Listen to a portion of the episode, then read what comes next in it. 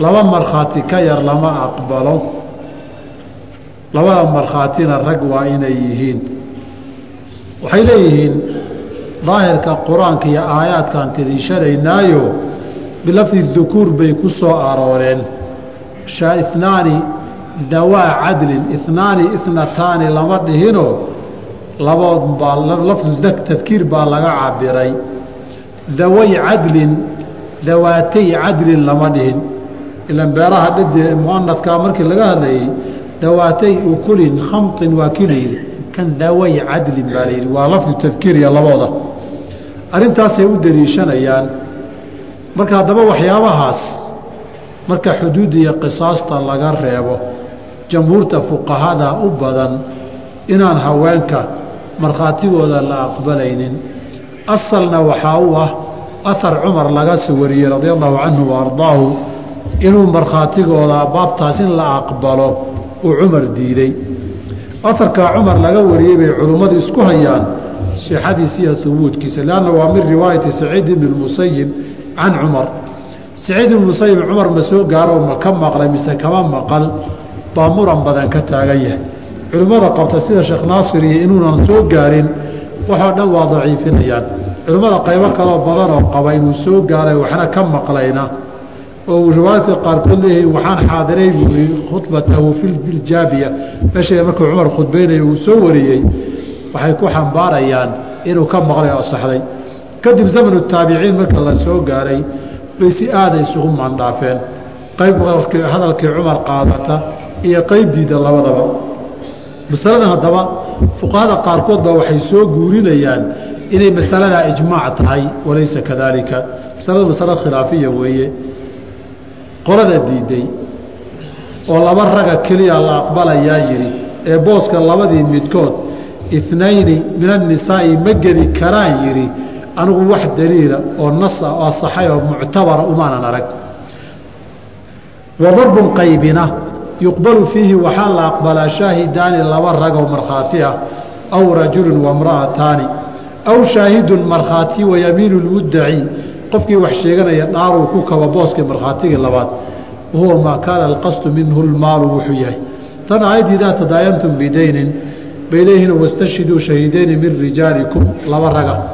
Fain lam yakunaa rajulayni farajulun wamra'ataani nin iyo laba haweenaa booskii geli kara. Oo labadii haweenka ahayd markhaatigu hal nin bay u dhigmaan baa la yidhi. Aayaddaa waxay ka hadlaysay xoolaha idaa tadaayantum bidaynin haddaad xoole isdayminaysaan oo kale qaadanaysaan bay ahayd. Markaasay waxay isku dayeen fuqahadu taasay ku khasiseen. Qiyaaska waxay ku diideenna bacd alaahaar bay deliishadeenoo aniga inta aan garanayo xuja ahaan uu qiyaasku ka xoog badan yahay.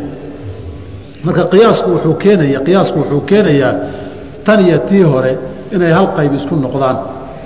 Wa darbun qaybta saddexaadna yuqbalu fiihi rajulaani baa la aqbalaa aw rajulun wamra'ataani ama nin iyo laba haweena aw arbacu niswatin ama afar dumara huwa maa laa yaطalicu calayhi اrijaalu raggu waxa aanay taalacan karin weeye zuhri baa waxaa laga wariyaa inuu yidhi sunnada waxaan ku soo gaarnay in haweenka markhaatigooda la aqbalayo waxaynan raggi ogaan karinoo dhalmadii iyo dhalmadii wax badan baa ka dhalanaya masalada dhalmada hooyadu inay umushay waxyaaba badan baa ka dhalanaya. Ilmaha yaa dhaleen baa ka dhalan markhaatiyaa ka noqon beri carruur badan baa isbitaalkii taalle ilmahankeedii inuu yahay yaa markhaati ka noqon. Haween baa jooga badana. Waxaa kaloo ka noqoni haweenta hadday ciddo la xiriirtay inay dhashay ay umushay yaa markhaati ka noqon horta. Ilan haweenta way dhihi kartaa. Intaasoo ilmood baan dhalay way dhihi kartaa soo ma? Iyadoon waxba dhalin anugu laba dhacdo baa runtii ila cajiibsanaa mid nin baa yidhi ilmaa ii dhashay caqiiqadii iyo wanqalkii baan ka bixiyey mana jirin. Ilmaaan dhalanin sanad kadib baa waxaan ogaaday mise sanad iyo bar kadib. May sanad iyo bar kadib baan hadda isbuucan maalmaha la shalay iyo daraad ogaaday ilmaha aan caqiiqadiisii sanad iyo bar ka hor bixiin usan jirin. Maba dhalanba ilmahaasi waxaase iga yaab badnaa ninka laba ilmoodoo mataana ay u dhasheenoo wiilana oo wanqalkiisii cunnay. Kadibna ay caddaatay inay islaamtu weligeedba ur yeelanin iskubadan baanay joogin. Ninkaana wakti aan bay ahayd. Marka qofku way iska sheegan kartaa inay dhashay oo ciddadeedii dhammaatay way sheegan kartaa. Yaa markhaati ka noqonaya inay dhashay waa in haweenkii ka umuriyey wahuwa maa laa yaطalicu calayhi اrijaalu masalatu ridaac baa ka mida nuugmadii hooyadu ilmaha marka ay nuujinaysa ninkeediiya u ogaan karaan tan umulaysaba walaalkeed iyo aabbaheed inay ogaadaan way dhici kartaa. Laakiin hooyadu markay ilmaha nuujinayso qof dumarunbaa badanaa kaag dhowaan karto ee daraggii cawradeeda ay ka qarsano way ka fogaan ilmahan ma nuujisay mise ma nuujinin oo baaburidaac musaaharadii baaburidaac xurmadii ahayd ma soo gelaya? Waa baab badanaa dumarku ay ogaadaan. Iyo waxyaabaha lamidka gabadhii caada ma ku dhacday mise kuma dhicin oo maqaan gaartay. Ciddadii ay tirsanaysay caadooyinkeedii ma martay mise ma marin. Waa baab nisaa keliya ogaan karaan?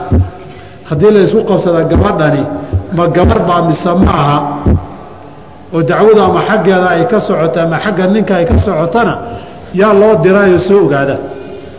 Dumar baa loo diraa. Ninkana way ka socon kartaa. Oo intuu gabar guursaday wuu ku doodi karaa anugu gabar iyadoon ahayn baa arkay. Gabar ma ahayn. Iyo waan ahaa way noqon kartaa. Iyaduna way ku dacwoon kartaa oo ninkan waxba iskuma hayo. Iyo waxbaan isku haya waan isku dacweyn karaa.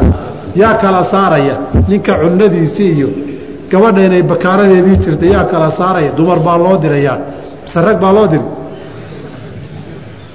hadda shahaadat nisaa ha yaabina maa laa yaalicu calayhi rijaal. Abwaab badan oo waxaa jirta ragga uusan waxba ka ogaan karin. Qaybta fuqahada qaarkood waxay yidhahdeen laa tuqbalu fiiha shahaadat rijaali. Rag markhaatigii lama aqbalaya sababtoo maba ogaan karaba. Baabkaa sharcan inuu ogaado oo baadhana baab u furanba ma ahaba gabadha inay bikaaro tahay iyo in kale iyo umusheeda iyo baabu daruuraadna wax laguma saleeyo naadira isaga badaaba yaa u dirsaday. Baabu sharcan looga ogol yahay inu dhexgalaba maaha. Wa xuquuq ullaahi tacaala xuquuqda ilaahi falaa tuqbalu fiiha nisaa aslanba haween lama aqbala bay yidhaahdeen. Waana aharkii zuhriyo fi lxuduudi lama aqbalayo.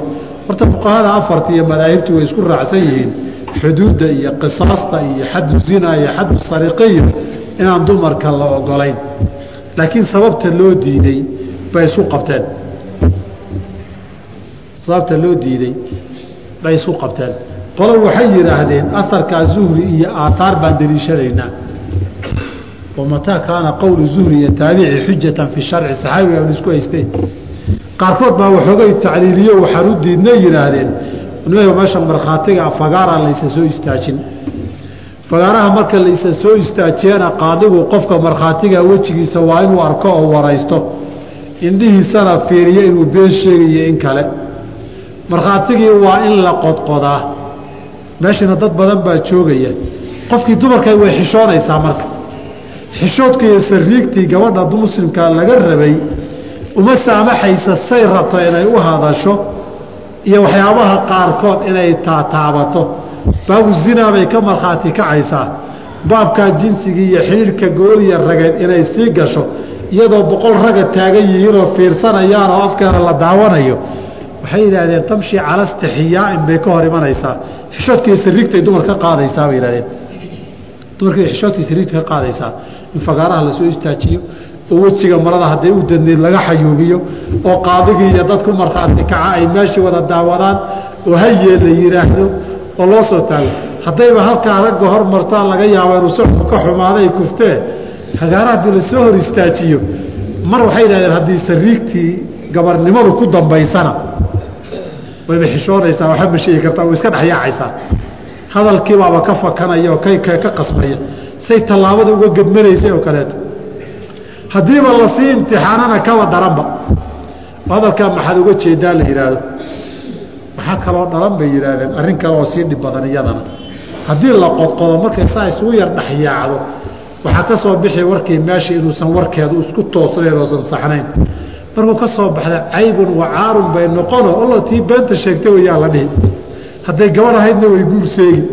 Hadday reer ahaydna reerihii ceeb bay ku noqon hortii beelalayda ahayd baa la dhihi waxyaabaha saasoo kaleetana dumarka durbo way jaa-ifeeyaanoo way qabtaan. Gabadha cirdigeeda iyo sharafteeda baa la ilaalinayaabay dheheen xishoodkeeda iyo aadaabteeda. Saas darteed booskan boos ku habboon ma ahee lama aqbalaya waxaan u niri aslanba baabka keenitaanka fagaaraha inaan xirno. Qoladaasaa warkoodu. Masalada haba yidhaahdaane aada moodaa waxoogay gabadhaan u danaynaynaa inay uga jeedaan. Qoladaana waxay ka baqayeenun gabdhuhu inay u qaataan iyaga in si gaara loo durayo loogu dan leeyahay. Wahiya calaa alaaati durubin xuquuqda ilaahayna iyana waa saddex qaybood. Kow darbun qaybi laa yuqbalu fiihi lama aqbalo aqala wax ka yar min aqalu wax ka yar min arbacatin afar qof. Uwa zinaa wey. Irsinada afar markhaati ka yar lama aqbalo. Afarta markhaati qur'aankaa sheegay soo maa wallaatii yaatiina alfaaxishata min nisaa'ikum fastashhiduu calayhinna arbacata minkum. Afar idinkini ka mida lowlaa jaa-uu calayhi biarbacati shuhadaa afar markhaati wa darbun qaybina yuqbalu fiihi inaani labaa la aqbalayaa wahuwa maa siwa zinaa wixii ka soo harayoo min alxuduudi ah. Walidaalika cumuumka wastashhiduu shahiidayni min rijaalikum. Bay soo wada gelayaan laba markhaati ah ku filan.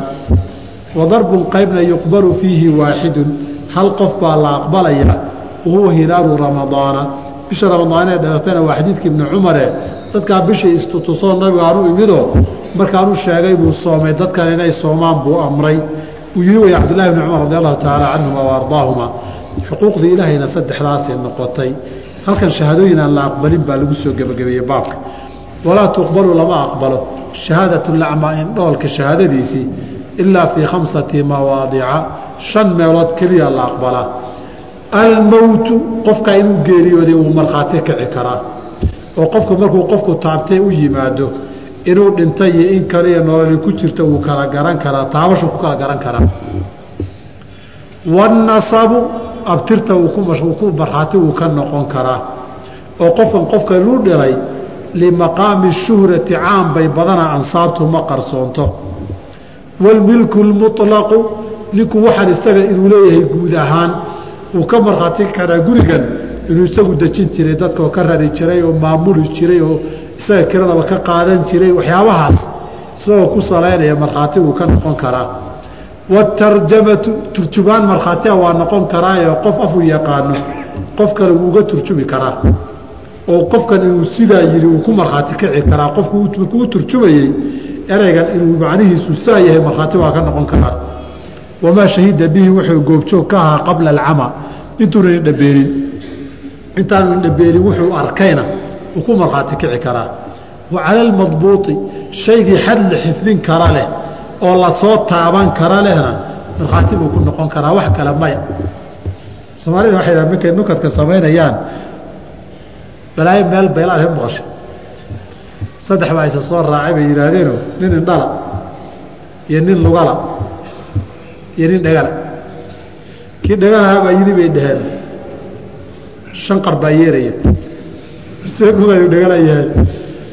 Kii indhaal ahaaba wuxuu yidhi wakaa waan arkaa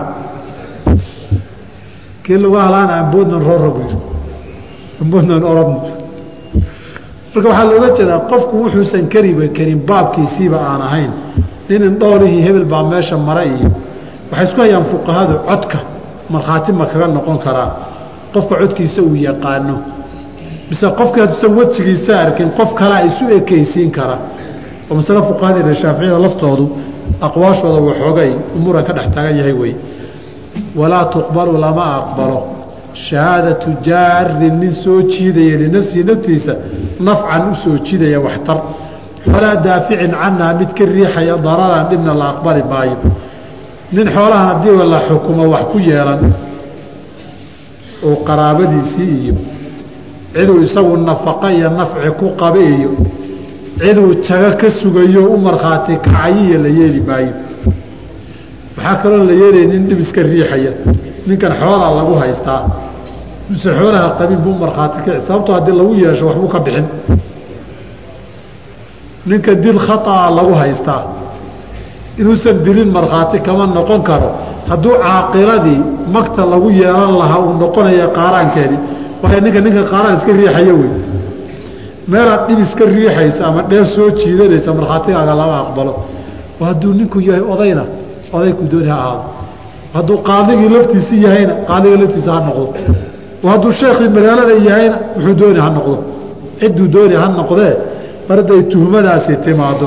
Sharcigu dabaqaad dadka uma kala qaadqaado intaas caawa ku daynaynaa way ku gabagabowday kitaabu alaqdiyati walbayinaat waxaa dhiman oo keliya kitaabu lcidqi iyo caawi habeen dambe iyo labada habeene soo socota.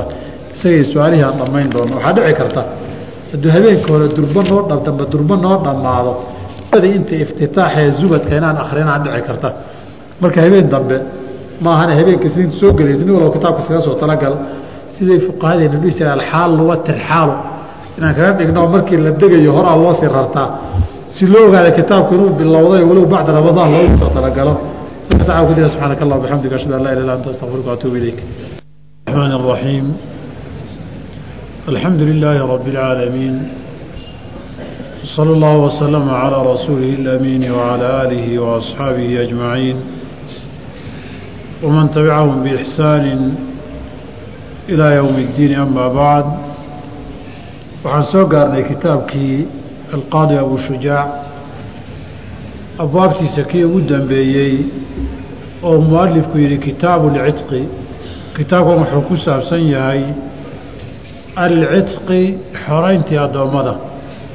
Waxaynu kitaabuuljihaad ku soo marnay in masalada riqiga iyo addoonnimadu islaamku wuxuu ogol yahay ay tahay axkaamta shariicada qaybo badanna lagu sareeyey oo dadku ilaahay qurbo ay ugu dhowaanayaan. Haddaba cidqiga iyo xorayntu sabab kastaba ha ku timaadee axkaam iyo shuruud iyo anwaac bay leedahay. Jaanibkaa iyo dhinaca fiqiga ee axkaamteeda ah ayuu kitaabulcidqi u guntan yahay. Haddaba addoonka in la xoreeyo marka laysku soo uruuriyo dhowr sababood ama ilaa shan baa loo qaybin karaa. Sababaha keenaya in addoon la xoreeyo. Midi waa midda ugu muhiimsan oo qofku ilaahay istixbaaban sunno ahaan. Istixbaab inuu qofku qurbo ilaahay ugu dhowaanaya uu ka dhigto. Arrintaasoo shariicadeennu ay ka dhigtay waxyaabaha aadka u fadli badan oo kitaabka iyo sunnaduba ay tilmaameen. Ilaahayna qur'aankiisa suuratulbaled oo kaleeto uu ku tilmaamay acmaasha waaweyn ee jannada lagu galaay inay ka mid tahay ama kuwa ugu muhiimsan ay ka mid tahay addoon la xoreeyo falaqtaxama alcaqaba wamaa adraaka ma alcaqaba fakku raqaba macnaa gidaarka jannada ka xigaayay qofku muu gudbo oo tallaabo. Waxyaabaha lagu gudbayo waxaa loogu soo horreysiiyey fakku raqaba inuu qoor xoreeyo ayaa loogu soo horreysiiyey nabigeenana calayhi salaatu wasalaam xadiidii dhowr saxaabaha ka wariyey sida ibni cabbaas camr ibni cabasa abuu hurayra iyo kayrkoodba waxa uu ku tilmaamay qofkii qof muslim ah xoreeya gaal ma aha addoon muslima qofkii xoreeya in xubin kastoo jirkiisa ka midihi ilaahay naarta kaga xoreynaya xubinta qaabishan gacantiisa gacantaada ilaahay naarta kaga xoreynaya lugtiisa lugtaada ilaahay kaga xoreynayaa naarta saa darteed fadliga iyo darajada ay leedahay baa ilaahay ku tilmaamay arrin qiimo badan inay tahay. Sababku waa sababka koobaadee inuu qofku isagu ilaahay qurbo ugu dhowaanayo oo min baabi alistixbaabi wa sunnati a ka dhigo. Sababta labaad ee keeni kartaay waynu soo marnay inay kafaaratulyamiin tahay ama kafaaratu nadri tahay ama kafaaratu dihaari ay tahay ama kafaaratu lqatli ay tahay kafaaraad iyo nuduur baynu ku soo marnay. Waxaan soo marnay qofku haweentiisa hadduu yidhaahda hooyaday oo kaleetaad iga tahay. Ase inuu ku noqdo uu doonayo in la yidhi taxriiru raqabatin mu'mina. Taxriiru raqabatin baa laga rabaa qoor inuu xoreeyo. Waxaan soo marnay oo kale qofku hadduu si qalada wax u dilo magtii waxaa dheer in isna taxriiru raqabatin mu'minatin laga doonayo. Waxaynu soo marnay qofku haddii uu dhaarto oo dhaartii uu fulin waayo in laga doonayo taxriiru raqabatin mu'mina raqabatin mu'minatinna qaydkaa lagu daray iyadoo kuwa kale la eegayo. Waxaynu soo marnay qofku nadar iyo sharar haddii uu galo oo uu ka soo bixi waayo oo fulin waayo inay kafaaradiisu kafaaratu yamiinin tahay. Kafaaratu yamiin saddexday ahaydna qoor la xoreeyaa ka mid ahayd. Asbaabahaasi waa nadar iyo kafaaraad bay yidhaahdaanoo qofku marka uu gudanayo min baabi alwaajibaat buu gudanayaa. Haddii uu awoodo waa camal ku waajibay ama tartiib ha ahaado sida dilka iyo dihaarka ama ha noqoto takhyiir sida sida kafaaratu yamiinka iyo nadarka. Dariiqa saddexaad ay ku timaada waa xigtiya qaraabo masaladaana waa inoo iman doontaa iyadunao qofku hadduu qof raximkiisii ahaa milkigiisa soo galo ama hibe iyo hadiyad ha ku soo galo ama iib iyo beec ha ku soo galo ama dhaxal ha ku soo galo ama qeybba qaniimaha kaga soo hagaago isagana waa xoroobayaa oo baabkeennana inshaa allahu tacaala ku mari doonaa waxaa kaloo ka mid ah inuu qofku si xun addoonkiisa ula dhaqmo maadaama shariicada ay amartay in sifana wanaagsan loola dhaqmo. Oo nabigu calayhi salaatu wasalaam uu yihi gaar ahaan kuwa muslimiinta markuu tilmaamayey ikhwaanukum khawalukum jacalahum allahu taxta aydiikum waa walaalihiin waana dad idin shaqaynaya oo ilaahay gacantiina uu geliyey. Faman kaana akhuuhu taxta yadihi ninkii nin walaalkii oo muslim ahy addoon uu noqdo falyucimhu mimaa yaakul walyulbisu mimaa yalbas ha siiya cunto ahaan waxa isaguba uu cunayo dharna ha u xiro waxa uu xirto shaqana yaanu u dirin waxaanu awoodin haddiise ay dhacdo shaqo awooddiisa ka badan aad u dirto in kaalmee aad ku kalliftaan faaciinuuhum u kaalmeeya saas darteed baa xusnulmucaamala iyo la dhaqan wanaag baa la amray sharciguna wuxuu reebay si qaab daran in loola dhaqmo. Qaabdaridu haddaba laba weeye xadkabaxa haddii loola dhaqmo. Haddii uun qofku gacan qaadiyo waxoogay hadal xuna uu ku yidhaahdiya ay noqotaay way fiican tahay in addoonka abaalgudkiisa uu ku xadgudbayey inuu xoreeyo inuu ka dhigo.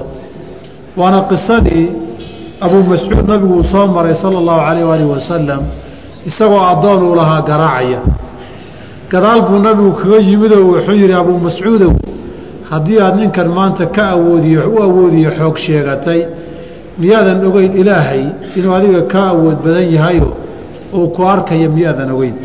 Abuu mascuud wuxuu yidhi saaba hadday tahay rasuulka ilaahayow ninka ilaahay dartii baan u xoreeyey. Wuxuu nabigu yihi saa haddaadan yidhin lamasadka naaru naar iyo cadaab baa lagaaga goyn lahaa waxaa xadgudubkaysaa ku samaysay haddiise uu xadgudubku gaaro in xubnihiisa qaar ka mida ama uu gooyo ama uu harag inuu ka bixiyiyo isku dayaayey si otomaatigu u xoroobaya addoonkaas. Nin baa xilligii nabiga sal alay salaam la yidhaahdo zimbaac abuurawx nin la yidhaahdo baa addoon uu lahaa oo wuxuu u yimid gabar addoonoo uu lahaay faraxumaynayuu yimid. Arrintii intuu ka xanaaqay buu xubinka taranka ka gooyey. Isagiina waa cararo waa dhuntay. Nabigaa loo keenay calayhi salaatu wasalaam ninkii halii keena buu yihi rawaxbuu zimbaaca zimbaaca buu rawx ahaa. Ee waxaan sameeyey waa la soo waayey.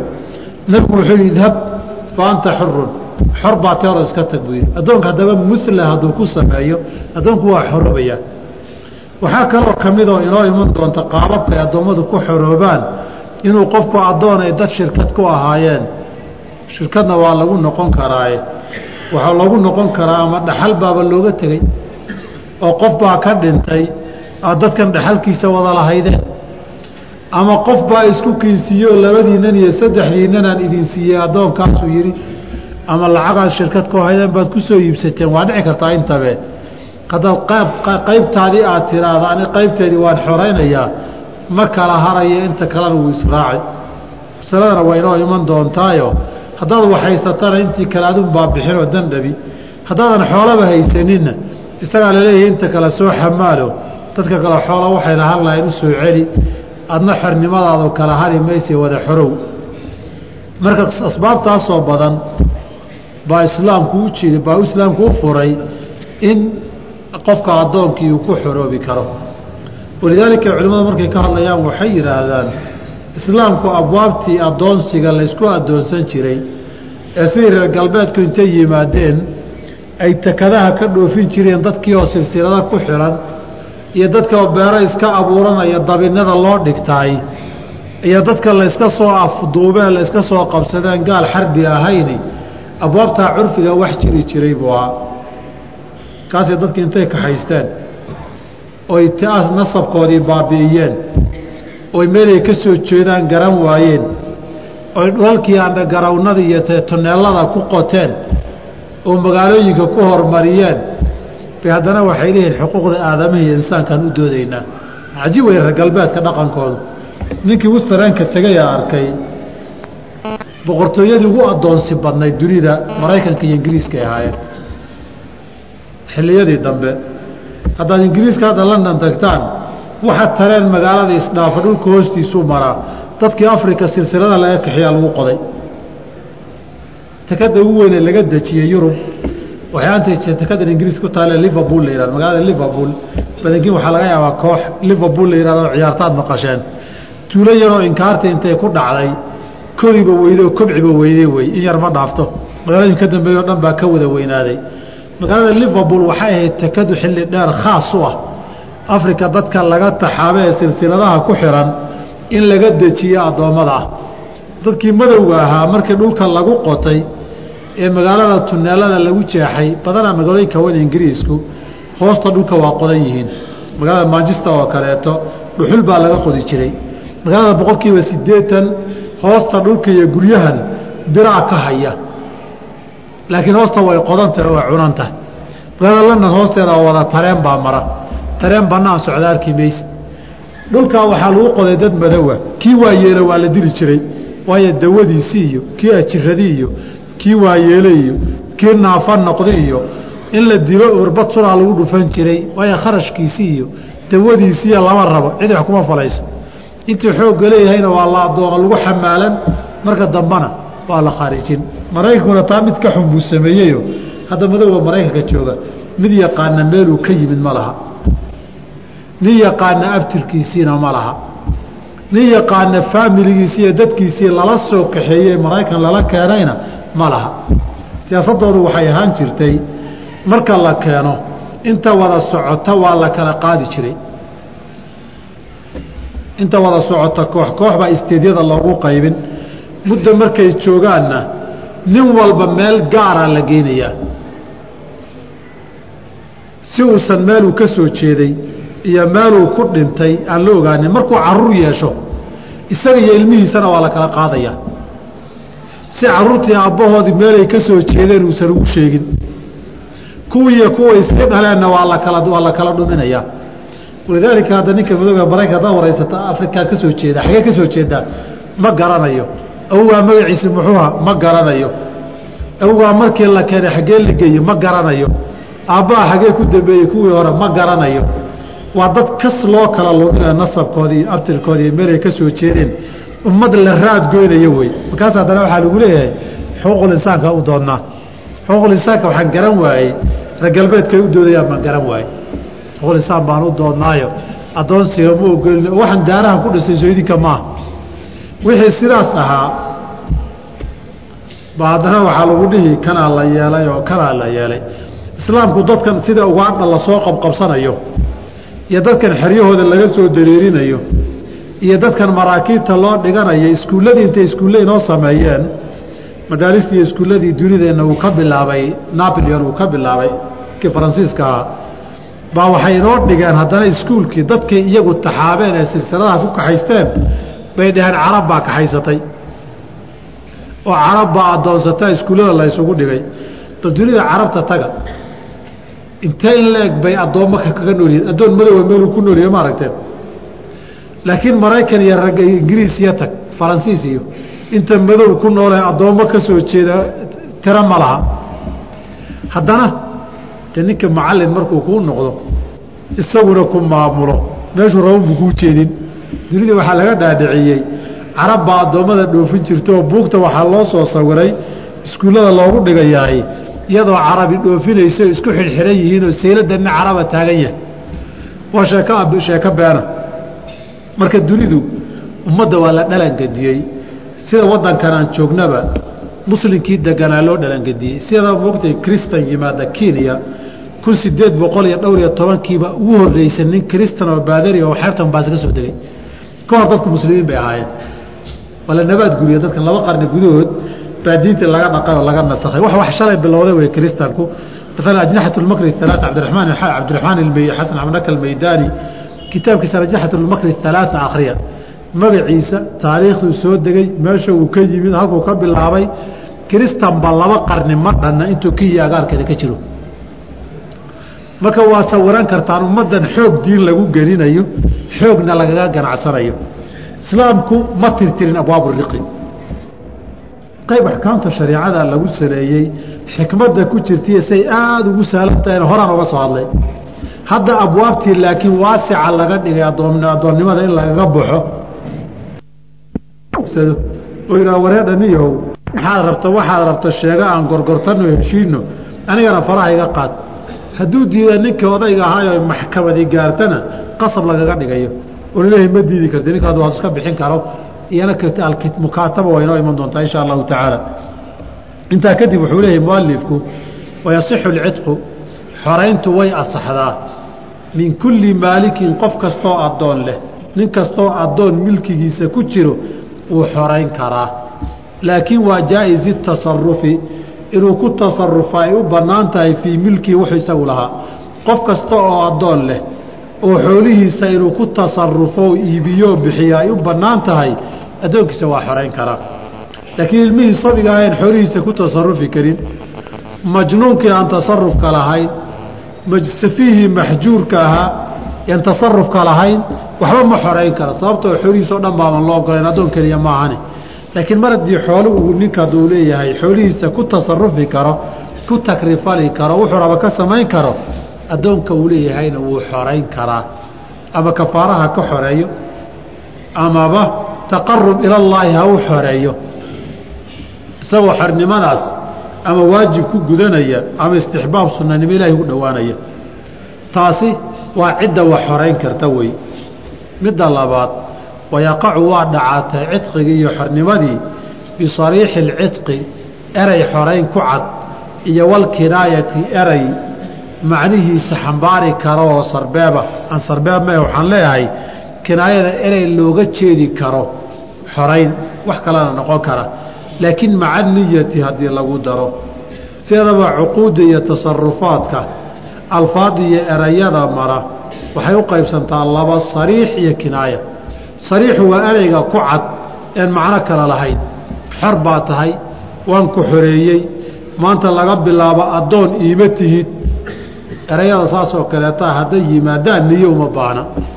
Kanna wuxuu ka mid yahay citaaqada iyo xorayntu saddexda kaftankooda iyo dhabtooduba dhab wada yihiin. Alaaun jidduhunna jiddun wa hasluhunna jiddun. Saddex haddaad ku kaftantana waa dhab xugun sharci ahaan. Haddaad dhab u tiraadana waaba dhab. Waxaa ka mid ahaa annikaaxu waalaaqu waalcitaaqu xoraynti. Addoonkaaga adoo kaftamaya ama ciyaaraya war xor haddaad tiraahdo waa xoroobay. War waan kaftamaya ma leh. Niyadaygama soo goyn waxba kama jiro. Isagaan kula ciyaarayey waan iska lahaa ma ogeyn inuu ku xoroobayo waxaasoo dhan cudurdaar maaha haddaa islaanta ha tiraado waad furan tahay waan kaftamaye waan iska aamusiinaye iyo waxoogay iyadaan kula ciyaarayey niyadigama ahayn iyo aad furtidba isma lahayn iyo maanan ogeyn inay ku furmiyo waxaasoo dhan cudurdaar maaha waad furantahay waad furantahay mar haddaa caqligaagii qabto. Waa yar xanaaqsanaa iyo xanaaq yar iyo saan soo marnay. Citaaqana waa la mid.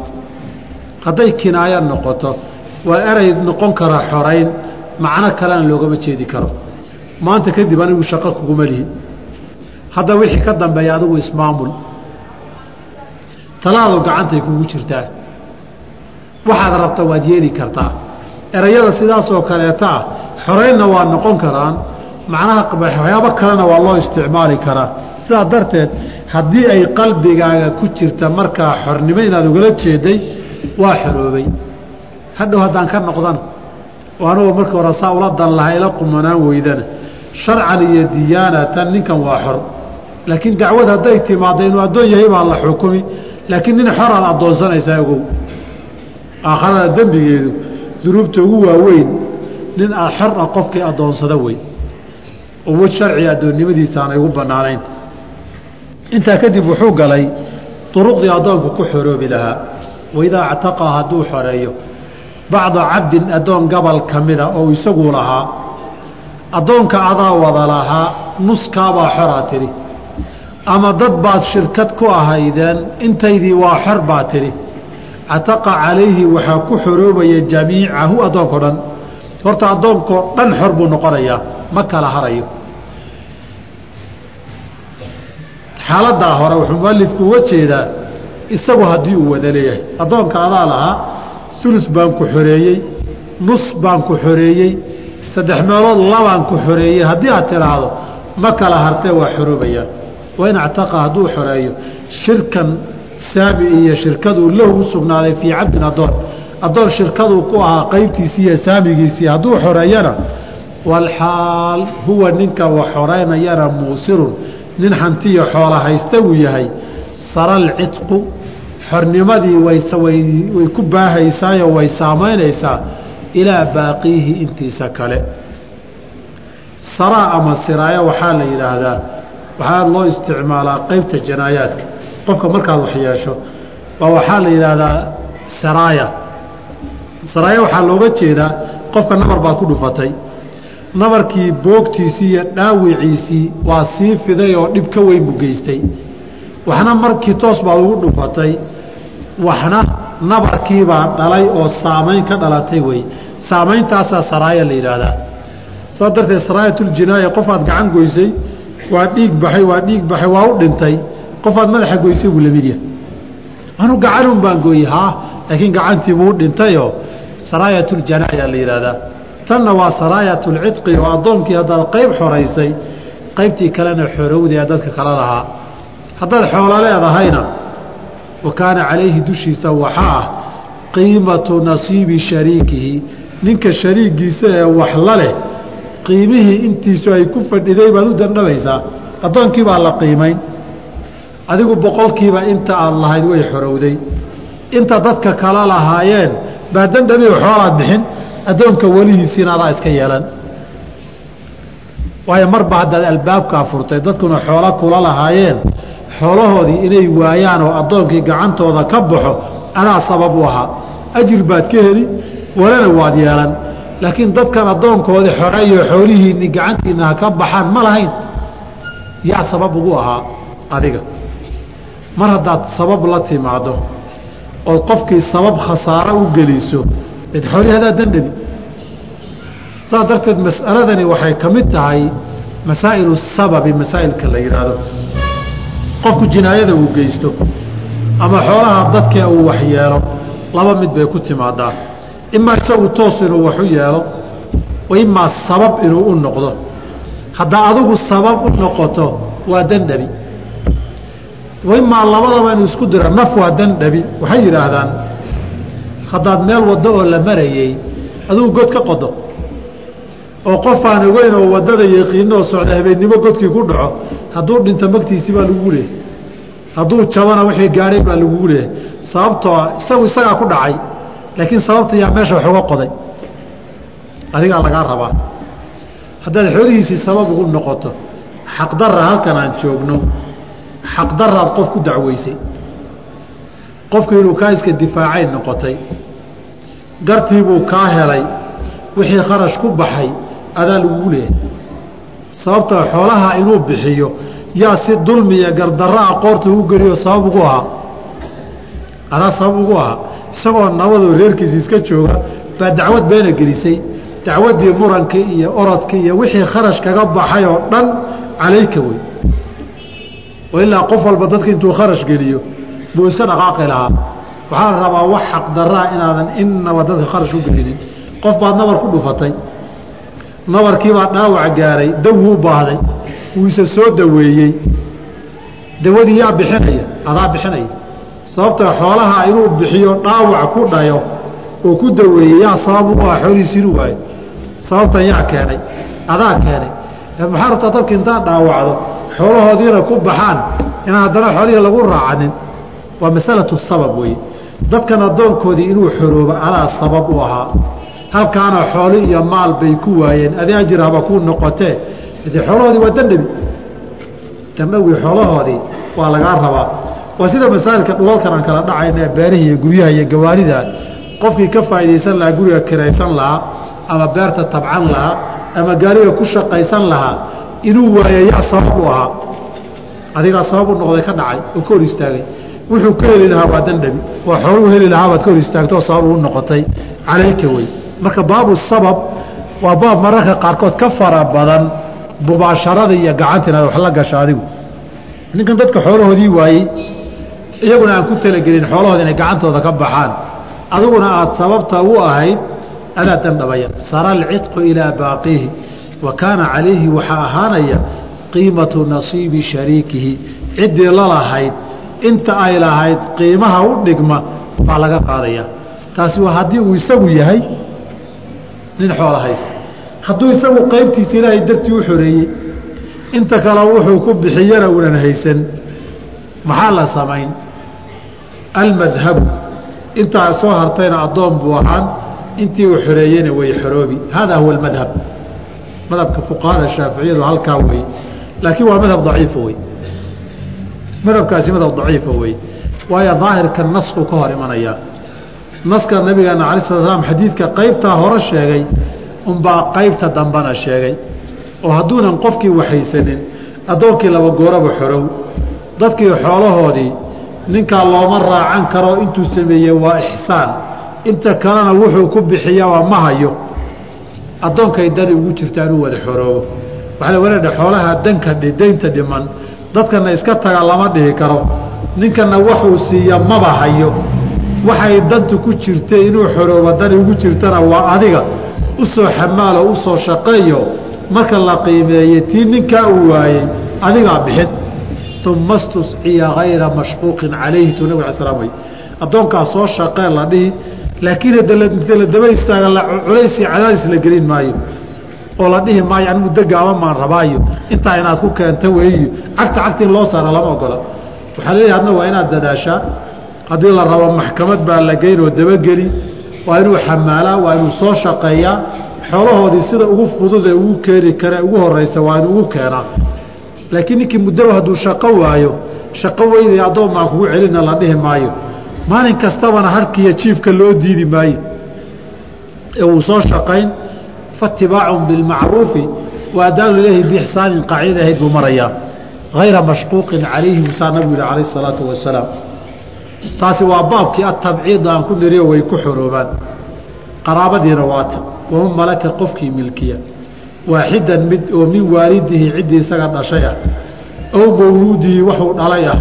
Cataqa calayhi waa ku xoroobayaa halkan fuqahada shaaficiyadu waxay leeyihiin usuushiiyo furuucdu isma yeelan karaan.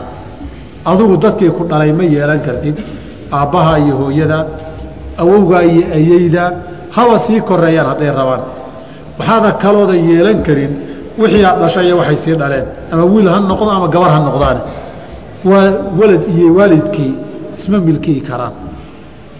Fuqahada shaaficiyadu halkaasay istaageen laakiin walaaluhu way isyeelan karaan bay dhaheen.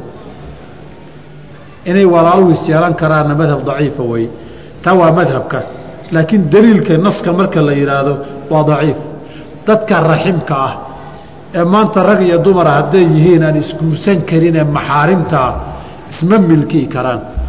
Hadduu si qasaba ama khiyaarkaa milkigaaga ku soo galo otomaatic toos buu xoroobayaa nabigaana yidhi calayh salaatu wasalaam haddii xasan saxiixoo samurata bni jundub laga wariyey kayrkii man malaka daa raximin maxramin fa huwa xurun ninkii milkiye uu gacanta u galo daa raximin maxramin qaraabo aan guurkiinu xalaal isu ahayni fa huwa xurun xor weeye xore uma baahna saa darteed walaalaha ma milkihi kartid waxay dhaleenna ma milkihi kartid wiil iyo gabartoonan adeer iyo abti aad u tahay waxaadan milkihi karin adeeradaa iyo eedooyinka waxaadan milkihi karin habaryartaa iyo abtiga waxaadan milkihi karin aabbahaa habaryartii iyo abtigii iyo aabbahaa adeerkii iyo eedadii usuusha halka hadday kaa soo galaan ma milkihi kartid. Laakiin ilma abti ilma adeer waad milkihi kartaa. Adugu waa maxore ila waa isguursan kartaan oo gurkiina isu banaane man malaka daa raximin maxramin fa huwa xurun xadiidka cumuumkiisa oo fuqahada xanafiyada iyo maali xanaabiladu ay qabaan baa ka saxiixsan madhabka shaaficiyada leh walaalihii iyo dad raxim isu ah baa ismilkiyi karaay madhab daciifa wey saa darteed qaraabtinimadaana qofku waa ku xorooba oo haddii sidaa laysu milkiyo. Milkigaa waxaynu nidhi ama biikhtiyaarika ha noqdo ama bikayri ikhtiyaarika khiyaar la'aan qasab ku milki. Wax badan baan fiqhi soo wadnay. Qofku xoola isaga oon rabin qasab ma ku yeelan karaa? Qof xor ah oo baaliq ah oo caaqil ah. Bilaa khiyaar qasab xoola ma ku milkii karaa. Nacam haa. Laakiin qofkii ii sheegi lahaa baa idinka rabaa. So iska farfadhidaan meesha tusaalaheedaa idinka rabaa mid ka badane. Waa isfiirfiiriseene ayib anaa anaa idiin sheegi marka. Aabbahaa baa dhintay xoolaha dhaxalka ama khiyaarkaaba inaad yeelato. Khiyaar muu leedaha anu aabbahaa baa dhintay wax dhaxal qaadan aduu kaa tegey xoolaha banaan ma dayici kartaa ma kaga tegi kartaa? Adi khiyaarka miyaa inaad milkido saa darteed ikraahan waad qasab baad ku milkii kartaa ku milkiyeysaa xoolahaasi hadday dayacdo nin xoolo iyo maal dayacay baa taha xoolaha dhaxalka kugu soo galaay hadhow waad sadaqaysan kartaa war idinkuu qaybsada dad kale waad dhihi kartaa waa sadaqa kuu baxday. Oo xoolahaagii ood sadaqaysatay wey markaad tirahda anugu walaalayaal uma baahniye idinkaa yaryar ee qaybsada. Ama aabbahay anugu dhaxal uma baahniye masaajidka ha lagu daro. Haddaad tidhaahdo waa sadaqa aad aabbahaa ku sadaqaysatay ka sadaqaysatay wey waa xoolo kuwa ood bixisay. Waayo xooluhu maba dhacda sideedaba. Milki khaasa inay ku jiraan iyo milki caama inay galaan maahane xoolo aan cidiba lahayn maal milki ku jiray laa ilaa milkin uma baxaan. Ama baytulmaal baa yeesha ama masaalix caama yeelata ama qof shaksiaa yeesha. Min milkin ilaa milkin wey. Aabbaha markay ka baxeen qofka dhaxalkiisa lahayd ciddii dhaxalka lahayd bay toosu gashay. Walidaalika kharashaadka marka laga bixiyo xataa duqi wuxuu dardaarmay iyagaa idin la weydiin somaada soo mari wixii ulud ka badan. Oo maxaa loo weydiin? Way yeesheen.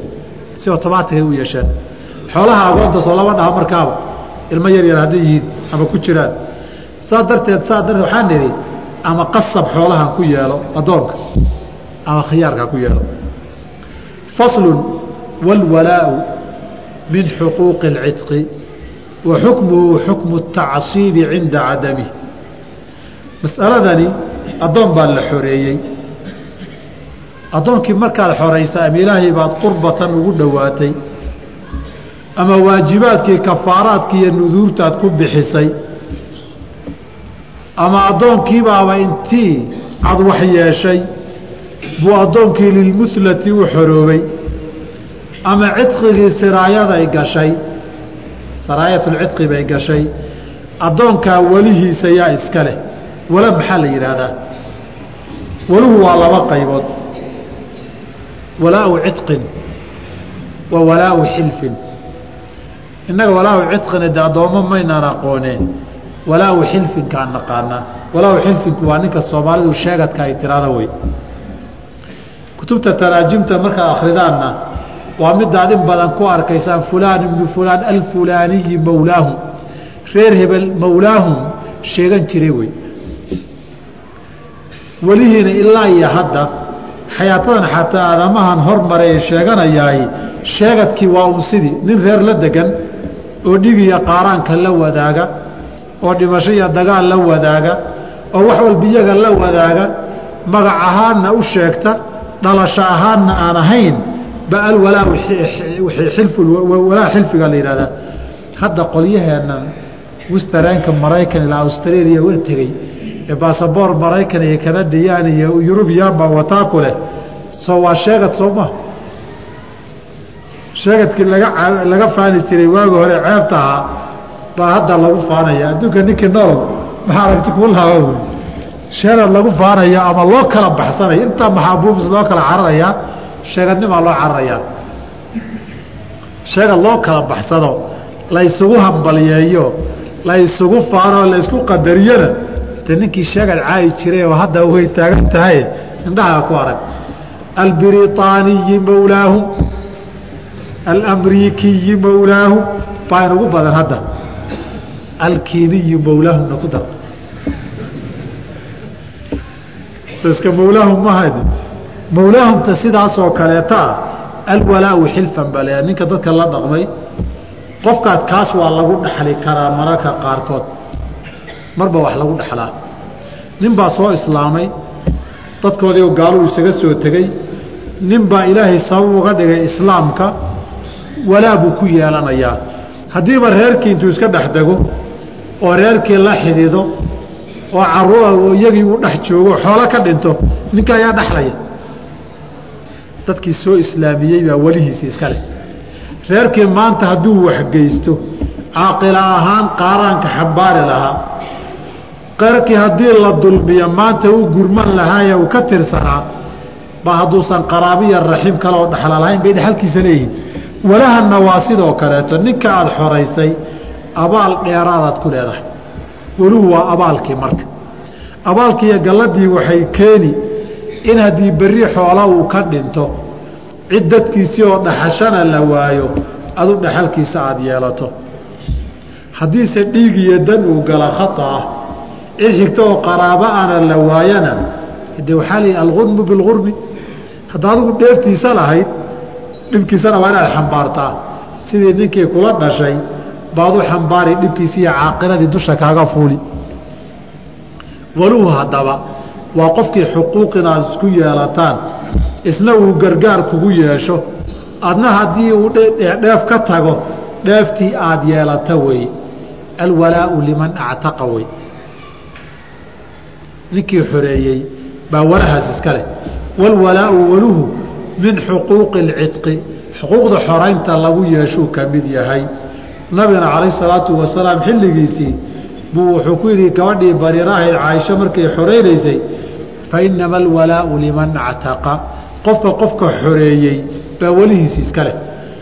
Wa xukmuhuna xukmu tacsiibi casabadii qaraabada ahayd ee ragga ahayd casaba binafsi weeye bay la mid tahay cinda cadamihi casabo marka la waayey xigto marka la waayana sidii nin ragood isu xigtaan baad isu dhaxlaysaan casabadu waa laba saddex qaybood waynu soo marnay baabulfaraa'id casaba binafsi dhammaantood waa rag ilaa qofka dumarka ah ee walaha qofkay xoraysayne maahane.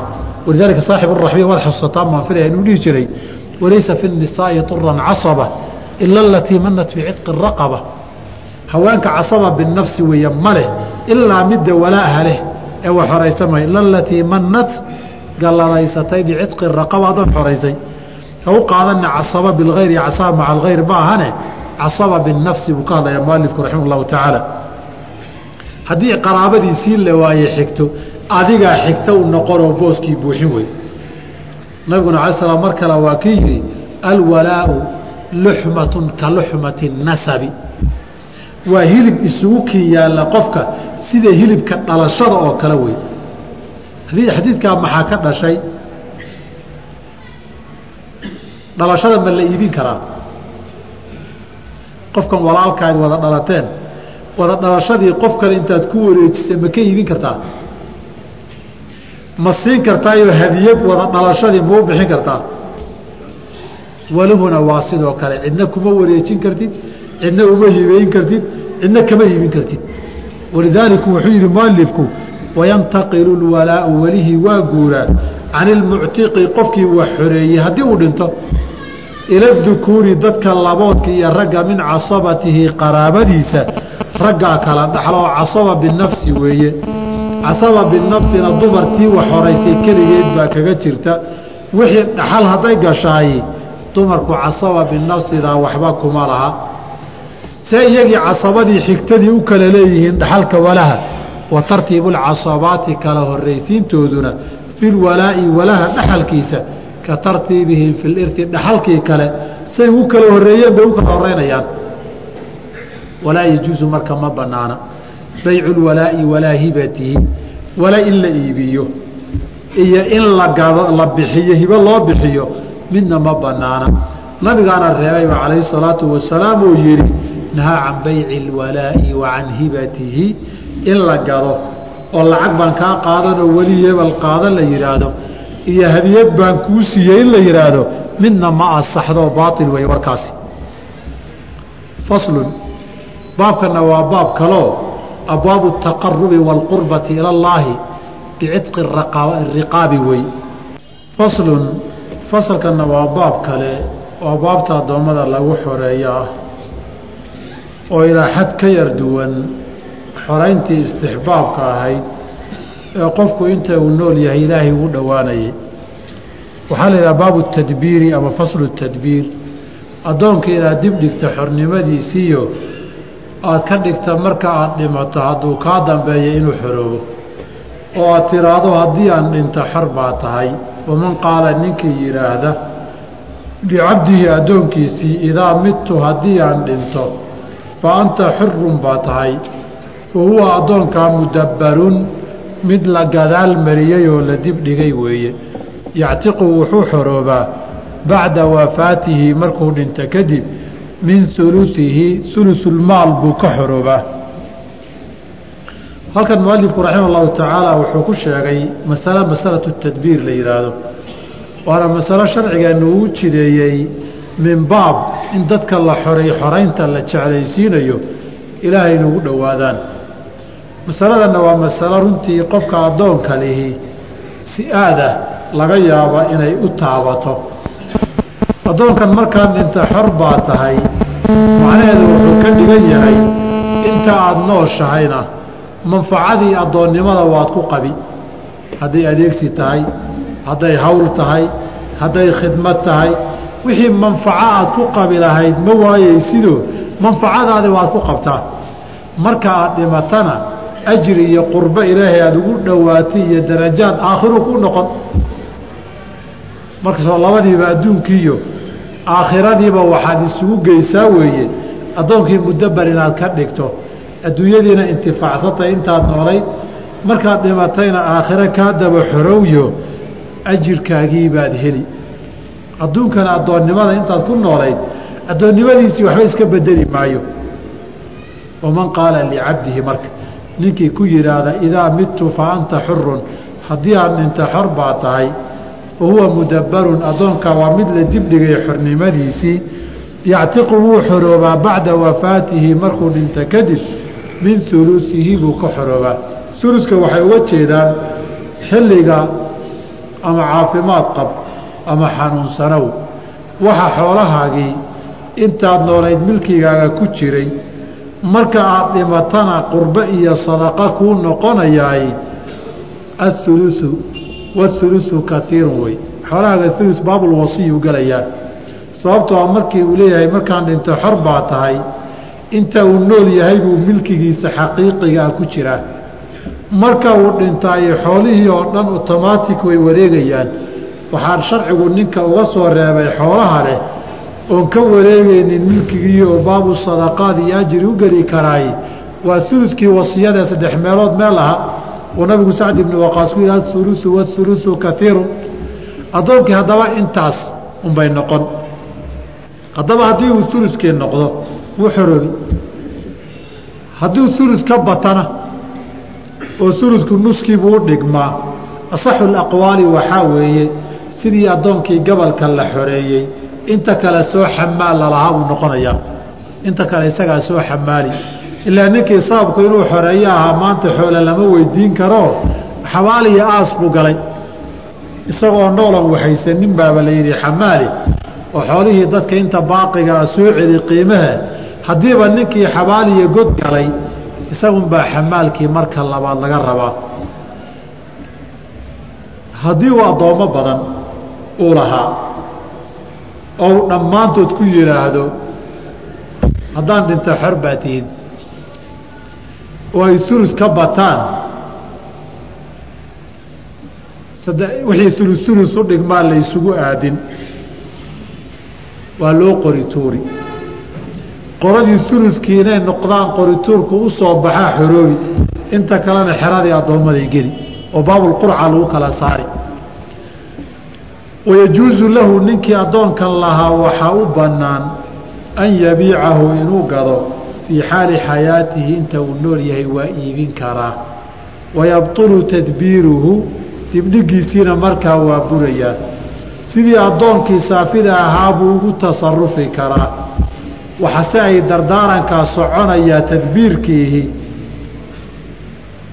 haddii uu milkigiisa ku sii jiro inta uu ka dhimanayo inta ka horreeya hadduu dad siiyo bixiyo. Ama uu iibiyo waan ku xoreeye markaan dhintadii waa ka noqday ninkii. Isagiina dad kalaa yeeshay. Xilliga aad dhimanayso addoonka milkigaagaba kuma jiro.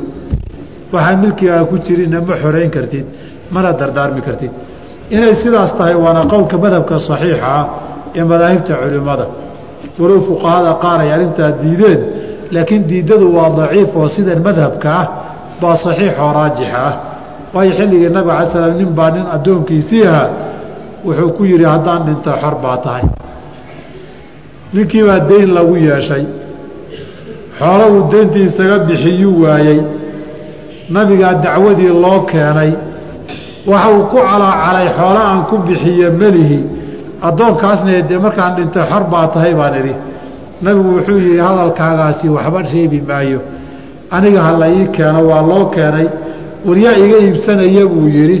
Nin nucayb bni cabdillaahi la yihahdaa ka iibsaday. Haddaba addoonkii la dibdhigay haddii xilligii nabigabaa la iibiyey. Nabiguna sala allahu alayh alih wasalama uu iibiyey.